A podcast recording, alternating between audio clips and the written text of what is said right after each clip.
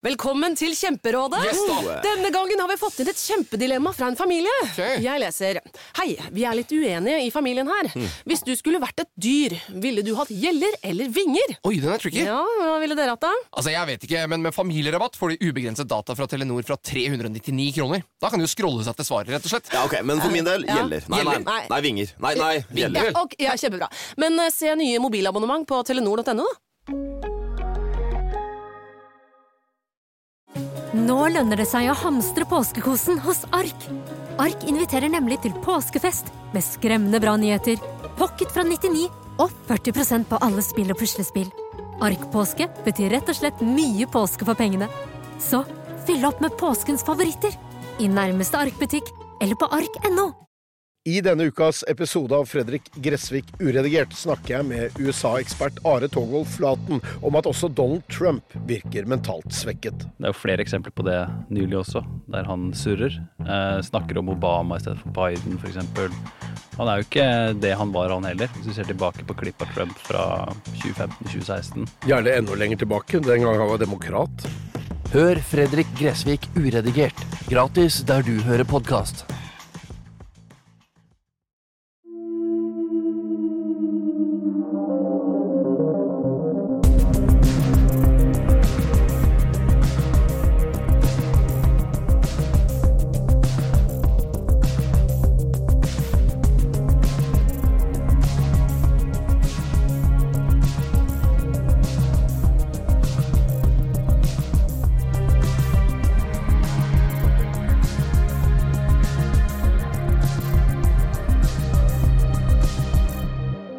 Velkommen til oss, Knut Holen. Du har jo et langt liv i politiet bak deg. Kan du ikke bare gi oss en sånn kort oppsummering av karrieren din?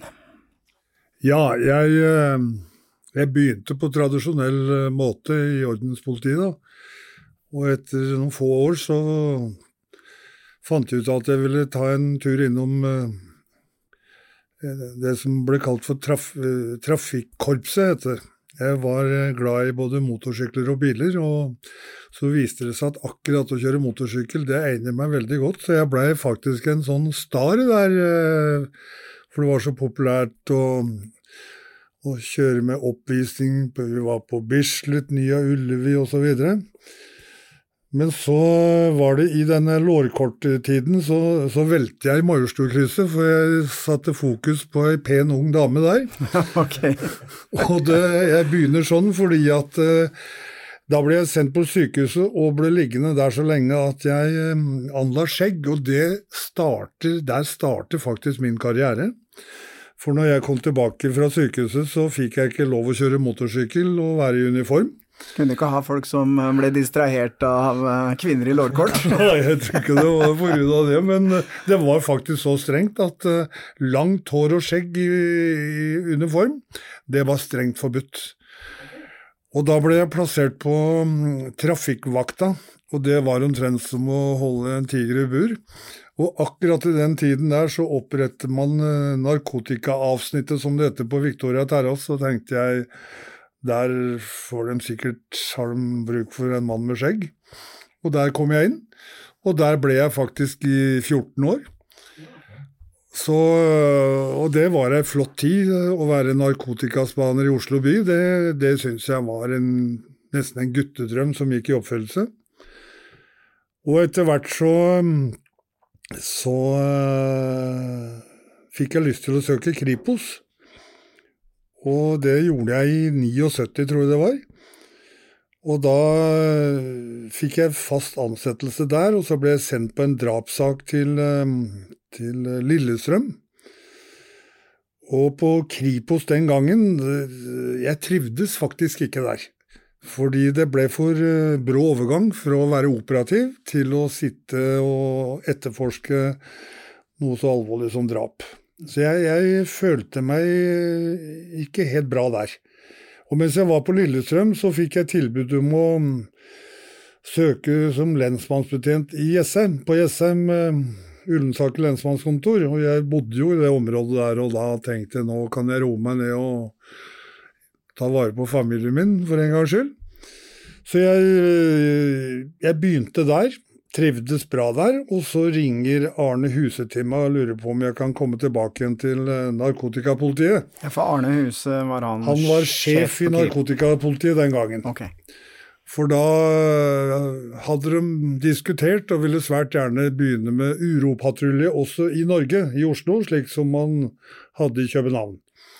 Og da ble fristelsen for stor, så da reiste jeg tilbake igjen til Oslo. Og så ble jeg sendt til København, og så var jeg den første som uh, var såkalt daglig leder for uropatruljen. Og eh, Jeg bare stopper litt sånn Uropatruljen, hva var deres oppgave? Ja, Uropatruljen, Grunnen til at Uropatruljen ble opprettet, det er, var fordi i noen år i forveien så fikk norsk politi lov til å lytte på telefon i prøveperiode, og da konsentrerte vi oss om de såkalte store, og så mister vi bakkekontakten med narkotikamiljøene i Oslo. Og det var jo tross alt fra den type mennesker vi fikk informasjon, i hvert fall brorparten av informasjon. Og etter hvert så mister vi mer og mer kontakt med narkotikamiljøet. Og så helte vi over til, eh, til København, som jeg nevnte. Og der hadde man en veldig bra erfaring med Uropatruljen, fordi der skulle man være en del av miljøet. Og vi var som fedre faktisk for de narkomane, og var akseptert av de narkomane, og hjalp de narkomane. Og vi, på denne måten så, så var vi egentlig veldig godtatt i det kriminelle miljøet. Jeg kan eh, nevne at det var jo der vi fikk den, de største kildene, de beste kildene, og de fleste kildene. Og når jeg eh, var med å opprette Uropatruljen i Oslo her, da, så ble det meget vellykket. Det var så vellykket at NRK var og lagde et program om oss. Og øh, i hele tatt så fikk vi bra resultater også. Og i hele tatt hadde meget god oversikt over narkotikamiljøet, spesielt i Oslo. Eh, Denne uropatruljen ble også brukt øh, Vi bisto resten av landet, der hvor man ikke hadde slik kontroll. Så vi var egentlig veldig populære internt i norsk politi i lange perioder. Mens jeg eh, hadde den jobben i narkotikapolitiet, så slutte en avdelingssjef i narkotikapolitiet, eh, den såkalte spaningssjefen. Og hva er nå det? Jo, han har ansvaret for all operativ eh, virksomhet internt i politiet, narkotikapolitiet, inklusivt Uropatruljen. Hadde ansvaret for teknisk avdeling, der hvor man hadde de såkalte duppedittene. Og i hele tatt en utrolig interessant jobb. Og på den tiden så var det mm, avansementshysteri i norsk politi. Og jeg hadde så lyst på jobben, men jeg turte ikke å søke den. Inntil Arne Huse lurte på hvorfor jeg ikke hadde søkt. Og da fortalte jeg hvorfor, men til slutt så ble jeg overtalt, og da var jeg søker nummer 32. Ok. Eh, Så gikk det lang tid før eh, den avdelingssjefen ble tilsatt, og så blei det pinadø meg. eh, Med dårligst ansiennitet. Og det var ikke populært i politihuset, det kan jeg bare fortelle dere. Eh, Men det gikk for 14 dager, så var jeg eh, mer eller mindre godtatt. For jeg husker jeg sa til meg selv, eh, Knut, vær deg sjøl. Det er vel derfor forhåpentligvis du har blitt avdelingssjef, og da tror jeg var 8-39 år. Og det var helt unikt på den tiden der. Ja.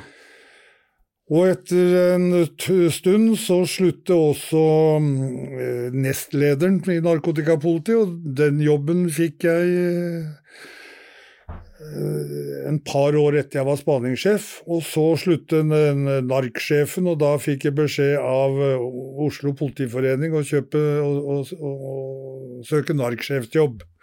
Og den holdt jeg pinadø død på å få. Hadde det ikke vært for Tor Aksel Busch, som mente at her måtte man ha juridikum for å ha en sånn funksjon. Ok, Så Riksadvokaten var ikke enig i at du skulle ha den jobben? Han var ikke enig i det, og han har eh, Men dere er fortsatt ikke helt enige, men det kan vi kanskje komme tilbake til Kan litt seinere. Eh, Riksadvokaten er faktisk kjent siden i 72, da han var fullmektig på Victoria terrasse, men det er en helt annen sak. Så, eh, så sluttet jeg i politiet mens jeg var nestleder i narkotikapolitiet. Og eh, hvorfor sluttet jeg? Jo, da, hadde, da Willy Haugli kom dit og skulle flytte Torleif Vika, som var beredskapstroppssjef, så begynte det å bli et forferdelig dårlig miljø på hele politihuset. Ja, fordi altså, De som hører på nå, da, så er vi tilbake på 90-tallet, og Willy Hauglie var jo politimester i uh, Oslo, og det blei jo litt uh, klabb og babb med han som ledet beredskapstroppen, så han fikk vel mer eller mindre sparken av Willy Hauglie. Ja, Ja. det var på 80-tallet. Midt på 80-tallet. Nei, det må ha vært på 90-tallet. Nei, det var eh, Nei. Ja, Men faren min tok jo over. Ja, jeg, ja, det, ja han tok over uh, i et år. Ja. Ja, det her er jeg uenig i, men dette skal vi finne ut av. Må vi, må vi google dette? Vi må ringe faren din. Ring, pappa. Jeg, jeg sluttet i 87. Okay. Eh, Da, da var faren din og jeg, vi drev i det private næringsliv. Nei, du har helt sikkert rett, det er jeg som husker feil. Ja, Ja, spiller, spiller, spiller ingen Vi er på 80-tallet her nå. Ja. ok? Nå er vi på 87. Ja. Så jeg, eh, jeg sluttet på grunn av Jeg syns det var veldig turbulent. Pluss Når jeg eh, var nestleder i narkotikapolitiet, så plutselig fikk jeg en telefon fra vår, eh, vår mann i Karachi. Og, og han fortalte meg at jeg hadde vært etterforsket for korrupsjon av to personer i Oslo politidistrikt. En jurist og en som var ansatt i narkotikapolitiet. Og jeg fikk jo sjokk. Og eh, tok jo kontakt med både krimsjef, politimester, narksjef. Ingen visste at jeg hadde blitt etterforsket. Disse to hadde fått et tips fra en eh, broren til en narkotikakurer som vi tok med to-tre kilo med heroin. Og han hadde sett meg i en eh, Mercedes som jeg hadde. Det vil si, den sto på Det var kona mi som eide den. Og så kom hun med en røverhistorie og sa at denne bilen hadde jeg kjøpt og fått penger fra hovedmannen i, eh, i eh, Pakistan via en sveitsisk bank. Og uh, dette satte de i gang etterforskning mot meg uten at noen visste om noen ting. Og slik som jeg er eh, født, så kan jeg ikke akkurat si jeg satte særlig pris på dette her. Og forlangte at begge skulle fjernes fra der de var, og det, slik ble det. Og jeg eh, ble til og med bedt riks, den gang riksadvokat om unnskyldning. Okay. Men jeg fikk politiet helt opp i her eh, av de to hendelsene, så jeg eh, fant ut at eh, nei, jeg slutter. Så fikk jeg ikke permisjon, så jeg måtte si opp. Og så drev jeg mitt eget firma, dvs. Si vi hadde to forskjellige firmaer. Det ene var inkasso, det andre var kjøp og salg av eiendom. Og mens jeg holdt på med dette, og vi gjorde det faktisk etter min målestokk økonomisk veldig bra, men jeg trivdes ikke med det, faktisk. For jeg begynte å tenke er det riktig å gjøre seg eh, rik på andres elendighet? For det var mye elendighet i den tiden, i den jappetiden der. Ja, altså med å inndrive gjeld. Ja. Ja, ikke sant. Og tvangsaksjoner og Ja. ja, ren inkasso. Ja. Så jeg trivdes ikke med det, men jeg var for stolt til å liksom innrømme det. Og så var det en, eh, en søndag kveld jeg fikk en telefon hvor kona ropte på meg. Det er telefonen fra politiet, og det var Magnar Aukrust som ringte til meg. Han eh, fungerte som kriminalsjef og lurte på om jeg ville komme tilbake igjen, for eh, jeg skulle hadde en spesialjobb til meg. Og jeg eh, måtte gjøre meg kostbar, selvfølgelig, så jeg sa du skal høre fra meg om tre-fire dager. Og jeg har aldri vært så glad i hele mitt liv. Så sånn begynte jeg i politiet igjen, som politibetjent. Begynte på bånn igjen. Ja. Og øh, Men så du gikk ikke inn på liksom samme nivå som da du slutta? Fikk ikke lov til det. Fikk- liksom? Fikk ikke lov til det. Men, okay. Hvor lang tid hadde det gått nå fra du slutta i politiet til du starta 87 Jeg sluttet i januar i 87 og begynte igjen i øh, to år. Ja, ok. To år. Ja. Så, så du var noen og 40 da, da du kom tilbake og Ja. starta som Ja. betjent? Da måtte jeg starte som politibetjent. Ja. Hadde du da mål om å jobbe det opp igjen i, om Nei, i systemet? eh, jo, det hadde jeg vel i underbevisstheten. Jo, det tror jeg det ville være galt, å, men jeg hadde liksom ikke det som mål. fordi at eh, jeg skulle lage en ny avdeling, ifølge han Aukrust. Så ble det ikke noe av det der. Men akkurat da så var det mm, Hadde Oslo kommune en stor sak som eh, politiet hadde fått i hendene, nemlig korrupsjonen ved Oslo kommune. Og det var en enorm sak. Så ble jeg bedt om å bli etterforskningsleder på den, og lærte utrolig mye. Holdt på med det i eh, ca. et år, tenker jeg. Og mens den uh, saken pågikk, så ble stasjonssjefsjobben på Økern ledig. Så søkte jeg den, og så fikk jeg den. Og mens jeg var stasjonssjef på Økern, så fikk jeg i oppdrag å bygge Stovner politistasjon, og ha ansvaret for det. Og flytte inn der, og var stasjonssjef der eh, frem til 94. Og da tok jeg kontakt med Willy Hauglie, hadde jo selvfølgelig veldig bra kontakt med han som min øverste sjef, og sa til han at nå må du være forsiktig og bygge disse politistasjonene for store, for jeg tror vi er i ferd med å få fem politikamre i ett politikammer. For jeg bygde opp noe som heter Stovner-modellen i sin tid, nærpolitimodell. Den reelle nærpolitimodellen. Og det ville Willy Hauglie ha til de fire andre politistasjonene, og så kalle det for Oslo-modellen. Og det ble gjort. Alt veldig positivt. Men vi mangler én ting i Oslo. Det er å samle informasjon fra disse fem politistasjonene i en helhet i kampen mot organisert kriminalitet. Vi hadde bare i Gåsøy narkotikaseksjon, som tok seg av narkotika, men vi mangler en etterretningsseksjon. Og da var Willy Hauglie sånn, da jeg sa det, så fikk jeg beskjed om da får du komme hit, og så får du komme med forslag hvordan den skal se ut. Jeg fikk vi medhold i det jeg foreslo, da, så ble jeg sjefen for etterretningsseksjon. Og mens jeg var der, så fikk jeg tilbud å komme til, eh, til Kripos. Din kjære far overtok etter meg i Jeg er klar over det, at han ble sjef for etterretningsseksjonen. Ja, stemmer det. Og jeg reiste til Kripos. Og grunnen til at de ville ha meg til Kripos, det var at eh, av Sovjetunionens eh, fall, så ble det mer åpent fra øst, og organisert kriminalitet eh, begynte å bli rimelig effektivt i Vesten. Så ville norsk politi og justis ha en nasjonal etterretningsenhet som skulle ligge på Kripos.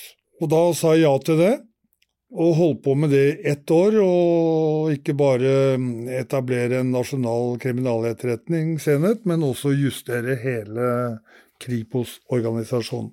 Og så da jeg var ferdig med det, så jeg Jeg ble anmodet om å, å søke til Kripos. Og så ser jeg at media opererer eh, til det kjedsommelige at eh, jeg har vært nestleder på Kripos. Det er ikke riktig, jeg har bare fungert. Okay. For jeg har aldri søkt den jobben fordi jeg visste jeg aldri ville få den. Okay. Av at jeg ikke hadde juridikum. juridikum. Men jeg har nok fungert som eh, nestleder der mye av halve tida jeg har vært der. Og det er i ni år. Ja. Eh, Der, eh, det var en utrolig fin organisasjon. Likte meg veldig godt eh, på Kripos, og den funksjonen jeg hadde når jeg ikke fungerte som nestleder, eh, er ikke feil å si at jeg var høyrehånda til sjefen på Kripos, Ja. som faglig rådgiver. Så du er jo nesten norsk politihistorie de siste 40 åra inn i én person. Du har jo egentlig på en måte vært med på hele den utviklingen og, og vært overalt. Så eh, Og så hadde jeg tenkt på å pensjonere meg på Kripos. Og Arne Huse og jeg, vi blei aldri enige om det. Og, og så plutselig en eh, Det var også en søndag. Fikk jeg en telefon fra Arne Huse at jeg eh, skulle ha på meg uniform og møte hos Killengreen dagen etter på mandag. Så det første jeg tenkte da var Altså i all verden. Ja, politimester Killingren. Den gang Ja, direktør. Hun var da blitt politidirektør, ja. Stemmer det. Politidirektør Killingren. Så det første som slo meg da, hva i all verden har jeg gjort for noe gærent nå? Så kom jeg dit, og da gikk hun og jeg til Justisdepartementet, til Odd Einar Dørum, og da fikk jeg tilbud om å opprette Politiets utlendingsenhet. Og da hadde jeg ett døgn på meg å svare ja eller nei. Og jeg eh, klarte ikke å si nei, da. Og tok på meg den jobben.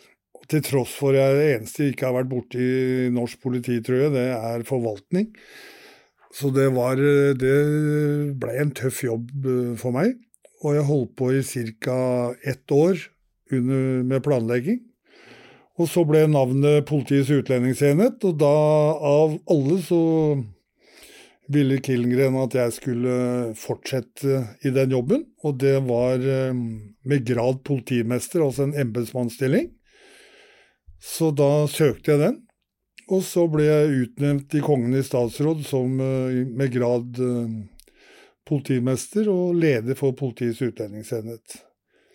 I alle disse årene jeg har eh, jeg, Vi fikk en datter, eh, kona og jeg, eh, i f- 74, og hun ble dessverre sterkt hjerneskadet under fødselen. Så det har vært en stor belastning for både kona og meg, for vi har bodd hjemme i alle disse årene. da. Så jeg hadde jo dette i bakhodet hele tida, at jeg må se å få slutte. Så det hadde jeg da jeg sa ja til den jobben i, i Politiets utlendingsenhet òg. Derfor så sluttet jeg da jeg var eh, fylt 60 år, og det er noe av det dummeste jeg noen gang har gjort. Men det er en helt annen sak. Jeg eh, burde ikke ha gjort det. det var, han kan ikke slutte å arbeide da han er 60 år, det, det ble feil. Det høres ut som eh, du har jobba i politiet i 60 år. Ut fra Ja, ja, ja, det er, ja, det er helt vanvittig. Egentlig er det det høres veldig tidlig ut å pensjonere seg og ha fått gjort alle disse tingene her. Ja, det er helt vanvittig.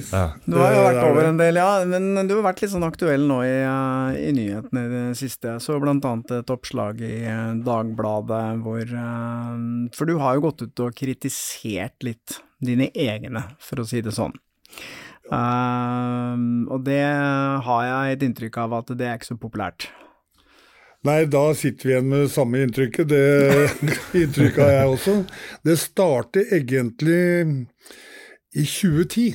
Eh, Da ble jeg ufrivillig, vil jeg nesten si, innkalt eh, som vitne i Baneheia-saken ved den første gjenopptakelsessaken som Sigurd Klomsæt og Arvid Sjødin hadde sammen. Og grunnen til det, det var at eh, Sigurd Klomsæt hadde av en eller annen merkelig grunn fått tak i en, eh, et møtereferat på Kripos, som jeg var til stede, hvor etterforskningsledelsen og laboratorieansatte var, som var til stede for å diskutere fremdrift i Baneheia-saken. Det var helt i startfasen. Og når jeg hørte hvor lite man hadde egentlig å gå på, så tillot jeg meg å foreslå at vi kunne tilby Kristiansand gjerningsmannsprofilbistand gjerningsmannsprofilbistanden vår, som vi hadde hatt i drift et års tid bare. Og det sa de ja til. Men før den rapporten, gjerningsmannsprofilrapporten, ble skrevet under, så ble to personer pågrepet i eh, Kristiansand, som dere vet.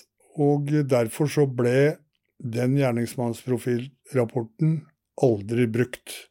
Ledelsen ved Kristiansand mente at dette var et prøveprosjekt og en opplæring, noe det overhodet ikke var. Det var et reelt bistandsfunksjon fra vår side. Og på grunn av dette så satte jeg meg veldig grundig inn i Baneheia-saken. Og så plutselig oppdager jeg at Viggo Kristiansen er blitt dømt for noe så alvorlig uten noe bevis. Når, når eh, gikk det opp for deg? Det var i 2010. Ja. Så ti år, ni-ti år etterpå. 2010. Ja. Det, dette gikk jeg og grunne på, men så plutselig, etter dette, så ble det lagd en TV-serie Ja. hvor jeg eh, var med i. i forbindelse med gjerningsmannsprofilarbeidet. Og så plutselig ble jeg oppringt fra Dagbladet etter den eh, TV-serien, og så ble jeg spurt om uh, Baneheia-saken, og da tillot jeg meg å si at jeg eh, undres over at Viggo Kristiansen kunne bli dømt for denne forferdelige handlingen. Og da hadde jeg fire argumenter som jeg satte store spørsmålstegn med. Det var DNA, det var mobiltelefon, det var avhørsteknikken som ble brukt, og lagmannens rettsbelæring på bakgrunn av det han hadde hørt av vitner, og da skjønte jeg lagret motto si ja. Men Ja. på hvilket grunnlag, sa de ja. Derfor så ga jeg uttrykk for dette, at jeg mente at han burde aldri ha blitt dømt for eh, de bevisene han ble dømt etter, og i hvert fall ikke en dom på 21 år med forvaring. Og derfor så tillot jeg meg å si at eh, han er uskyldig dømt. Han ble jo dømt i 2002, og dette her eh, innsikt som du får i 2010, men hva, hva tenkte du om politiets arbeid med denne saken, Baneheia-saken, og påfølgende dom i alle disse årene opp mot 2010? Når jeg var på Kripos, så var jo ikke mine tanker at uh, disse bevisene ikke holdt mål. Og når, når jeg fikk vite at uh, nå var det pågrepet to stykker i Baneheia, så var jeg som alle andre veldig glad. Hadde jo ikke noe spørsmålstegn om uh, det var riktig eller ikke Nei. riktig. Jeg tok det som en selvfølge at det var riktig. Ja. Og når jeg fikk vite om DNA funn, om mobilfunn, så tok det som en selvfølge at det var riktig.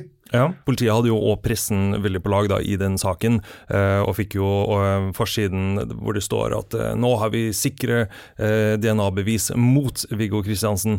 Og det har jo vist nå i etterkant at det stemte jo ikke. De hadde ikke beviser mot Kristiansen. Overhodet ikke. Nei. Og det var dette jeg så i, i, når jeg satte meg inn i, i denne saken. Og, men jeg, jeg følte ikke at jeg, jeg kunne gå ut og, og gjøre det for eh, Men jeg registrerte og blei veldig overrasket at Viggo Kristiansen kunne bli dømt for de bevisene jeg så i dokumentene, Ja. i rettsdokumentene. For Kom du inn da, eh, og hadde du noe samarbeid med Sigurd Klomsæt da, eller? Nei, nei. Nei. For han jobba jo, han kom, ble jo engasjert som advokaten til Kristiansen i 2008, og starta da forsøk på å få gjenopptatt hans sak. Ja. Jeg tror den saken har vært oppe faktisk uh, seks, jeg tror faktisk sju ganger. Mhm. Avslag hver gang. Ja, ja. Med unntatt én, da ble det jo tre- 3-2, da. Mhm. Men uh, ytret du noen uh, Altså, når du liksom begynte å mistenke at det var noe galt i den saken, eh, snakket du med kollegaer og sånn det da? Nei, jeg gjorde ikke det. Jeg, jeg konsentrerte meg veldig mye om den uh, gjerningsmannsprofilbistand, for jeg ble beskyldt for å, å lyve. Uh, Hvem beskyldte deg for lyve? Uh, Politiet i Kristiansand. Okay. For de sto fast ved at eh, dette var eh, et prøveprosjekt, et opplæringsprosjekt. Og det blei veldig mye fokus på det. Mm. Og, og når jeg, når jeg mm, måtte møte i retten, altså, det var jo i 2010, og jeg slutter jo på Kripos i 20... 02, 01, 02. Så jeg hadde veldig mye arbeid bare for å finne dokumentasjon på at det ikke var noe prøveprosjekt, at det var et reelt bistandsfunksjon. Så jeg hadde mye mer fokus på det enn det jeg oppdaget at dette var eh, tynn, tynt eh, grunnlag å dømme en eh, person på 21 år og til og med forvaring. Så jeg, jeg holdt vel det stort sett for meg sjøl inntil dette TV-teamet kom. Jeg sa selvfølgelig ikke noe til dem, men jeg hadde lyst. Men da spurte dem meg kun om gjerningsmannsprofilen. Ok. Eh, Og med den erfaringen jeg har ikke riktignok som etterforsker, men med politifaglig bakgrunn. Og når jeg mener at en ting er skjedd urett, så er det jo etter mitt syn en plikt opp mot rettssikkerheten i landet vårt at noen må si fra. Og det jeg har gjort, og dette var også før eh, Gjenopptakelseskommisjonen kom med 3-2-beslutningen. Jeg tror det var noen uker i forveien. Eh, Så mente vel eh, han at jeg eh, burde i hvert fall ikke si noe før de hadde kommet med den beslutningen som kom. Men denne Baneheia-saka, at han sitter så mange år i fengsel, og at det må liksom sju runder, var det det? Hva, hva sier det om rettssikkerheten i dette landet her, da? Ja, det gjelder gjenopptakelseskommisjonen, så den erfaringen eh, jeg har fått etter hvert, så syns jeg nåløyet skal være trangt, for all del. Men jeg syns for det første det er for trangt. Jeg syns også det er for dårlig kapasitet. Jeg savner litt objektivitet. For jeg tror man eh, lener seg litt for mye. Det er tross alt en rettskraftig dom. Og som dere sikkert har registrert, så deler jo ikke jeg det synet. Og en sånn holdning og en sånt, eh, sånn kultur tror jeg er farlig. Og det var Helge, vi har jo eh, vi etterforsker litt, vi òg. Mm. Vi får inn en del saker her, og du er jo veldig god på å grave fram eh, alt mellom himmel og jord. Men det er liksom én ting som vi ofte opplever i forhold til når det er en dom i en sak. Og det er jo dette her med at vi får det argumentet med at det, det er jo en rettskraftig dom. Ja. Les dommen. Ja. Du har hørt det mange Ja ganger. politiet sier jo det til oss, øh, øh, statsadvokaten sier det, og noen ganger sier òg pressen det, og det er jo kanskje det som bekymrer oss litt, da. Det, ja, en ting er at de som har sørga for at disse dommene har kommet på plass, sier det. Det er jo naturlig. Men når pressen òg begynner å, å, å, å tro på disse her, og ta det for god fisk Ja, jeg, er, jeg er jo helt enig. Vi kan, eh, vi kan begynne med Birgitte Tengs-saken. Det var jo det samme der. Hvor, eh, og, og jeg, jeg, jeg skjønner jo at pressen tror på hva politi og påtalemyndighetene sier.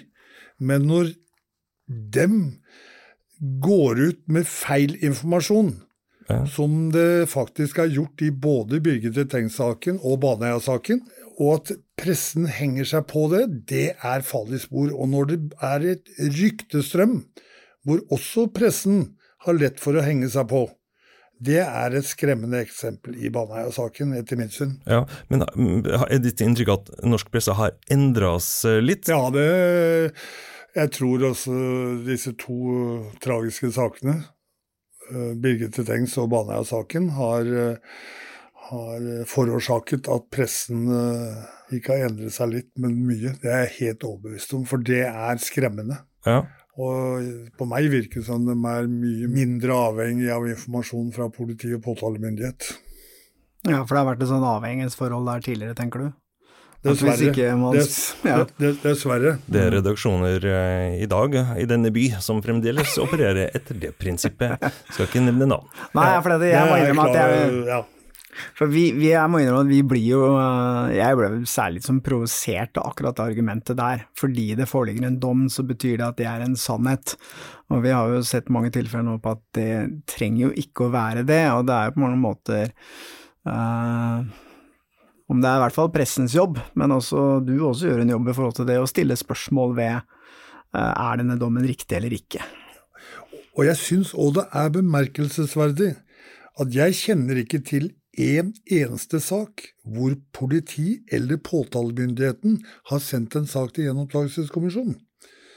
Det er kun private eller pensjonerte politifolk, private etterforskere, forsikring kanskje, ikke vet jeg, men det er i hvert fall ikke politiansatte og mennesker fra påtalemyndigheten. Hvordan blir det tatt imot da ellers i politiet, hvis du har en som sier at vet dere hva gutta, jeg lurer på om eh, den personen som vi sørga for ble dømt, kanskje er uskyldig, Eh, skal vi, eh, jeg har funnet bevis for det òg, skulle vi sendt det til gjenopptakingskommisjonen? Hvordan ville det blitt? Aldri ha blitt akseptert og godta vedkommende. Da hadde du Du kan bare ta en liten ting eh, Hvis en varsler, burde man være veldig glad for at man har i enhver organisasjon, hvis det er ting som skjer som ikke burde skje. Eh, Politietaten er en eh, Der er det en eh, konservativ kultur. Man gjør ikke sånn. Man snakker ikke negativt om sine kolleger. Sånn vi, er vi ikke vant til. Ja, vi, vi har jo lest om den eh, varsleren i politiet eh, som satt på det her våpendestrueringskontoret nede på Grønland òg, og som skulle håndtere disse våpnene til Sjøvoll. Og hvordan eh, han opplevde det i etterkant, og det er jo ikke hyggelig lesning. Og vi kan jo gå fra Oslo til Bergen. Der har det jo vært en eh, kjedelig eh, sak som kanskje ikke er ferdig ennå. Så det, det er i hele tatt Men jeg tror Det er vel sikkert ikke bare politiet som har en slik kultur, men jeg tror den er spesielt sterk i politiet. Jeg syns det er trist på vegne av politiet. Eh, For er det noen som taper på det, ansiktet utad, så er det politietaten og påtalemyndigheten. Hvorfor kan man ikke vise litt ydmykhet? Jeg fatter ikke at det er så vanskelig. Er denne kulturen i politiet en trussel mot rettssikkerheten? Med bakgrunn i alle de sakene som eh, vi alle kjenner til, så er det i hvert fall ikke en fordel for rettssikkerheten.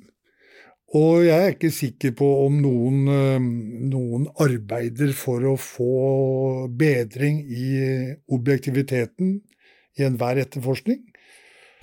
I de store sakene, det vet ikke jeg, men eh, jeg syns det er litt for mange alvorlige saker hvor det er eh, blitt feil personer som er dømt. Bare i løpet av eh, de ti-tolv årene så er det begynner å bli mange saker.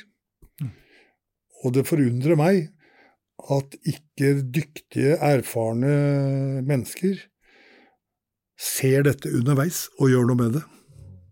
Det forundrer meg. Hva tenker du er grunnen til at det er såpass lite selvrefleksjon og evne til å ta den kritikken da, i, i båndet i politiet? Nei, jeg tror Nå snakker jeg inklusivt meg selv. selv. Det er, I politietaten så er det stolte mennesker. Det er mennesker som eh, ja, er vondt for å innrømme at man eh, gjør feil.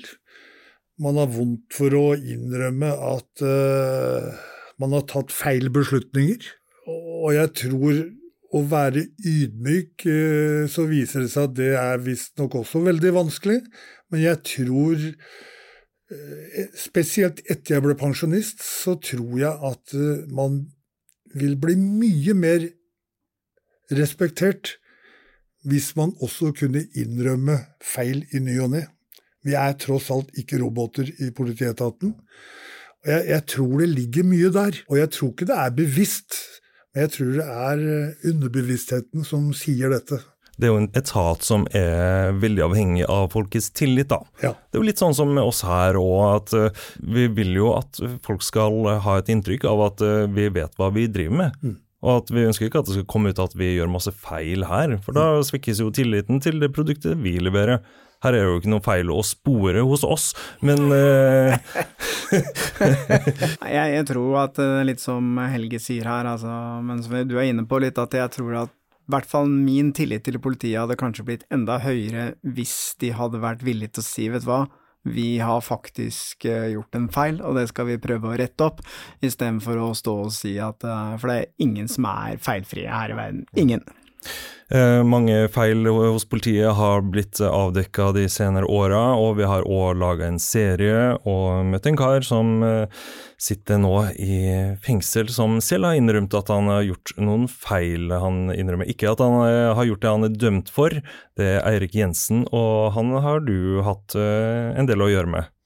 Ja, han kjenner jeg meget godt, og spesielt i den tiden jeg arbeidet i narkotikapolitiet. Og jeg hørte jo utrolig mye skryt av eh, arbeidet som Eirik Jensen gjorde for Oslo-politiet og, og, Norge for øvrig i bekjempelsen av kriminalitet. Og jeg bor jo nå på Kongsvinger, og han sitter jo dessverre med 21 års ubetinget fengselsstraff nettopp på Kongsvinger. Det er mulig jeg blir kritisert for det jeg har gjort med Eirik Jensen, og det vet ikke jeg, og det tar jeg med en klype salt, men jeg har tillatt meg å besøke han to ganger av ren medmenneskelig karakter.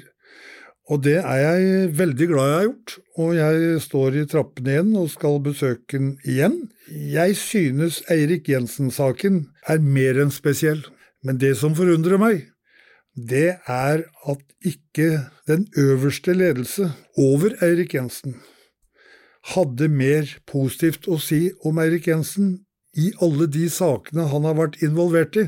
Det må jeg innrømme jeg har savnet. Mm. Og jeg syns uh, Eirik Jensen fikk altfor stor straff. Jeg vet ikke hva han har gjort og ikke gjort, men at det han har gjort, skal uh, gi han 21 års ubetinget fengselsstraff, slik jeg kjenner han. Jeg har ikke noe tro på at han har gjort alt han har blitt dømt for.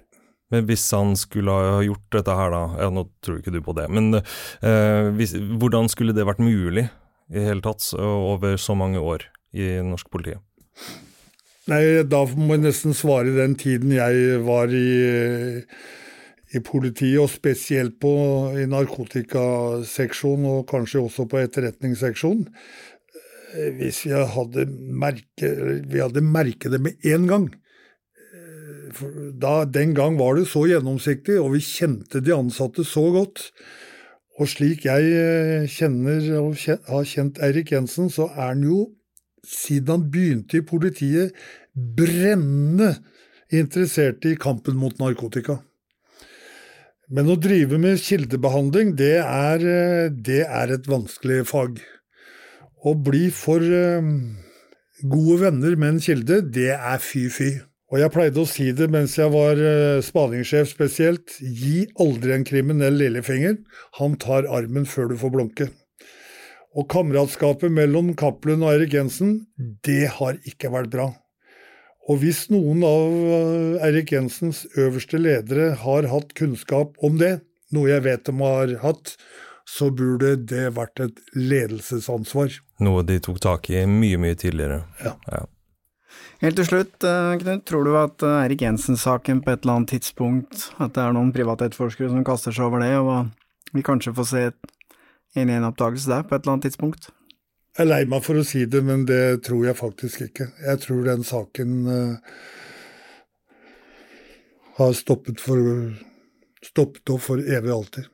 Dessverre for Eirik Jensen. Hvordan ser du på det norske politiets uh, fremtid? Politiet i Norge blir jo mer og mer dyktig. Uh, ikke minst etterforskerarbeidet. Det er jeg overbevist om har høy kvalitet i dag. Det jeg er mest bekymret for av eh, lov og rett i dag, det er økonomisk kriminalitet, som eh, jeg tror florerer i dette landet. Og eh, alle vet jo at Økokrim har altfor liten kapasitet, og det er kompliserte saker. Og jeg tror Økokrim og IT-kriminalitet, det er Jeg håper at samfunnet vil satse mye, mye sterkere på det. Avhørt er en podkast produsert av Batong Media. Redaksjonen vår består av Stein Morten Lier, Helge Molvær og Lars Christian Nygårdstrand.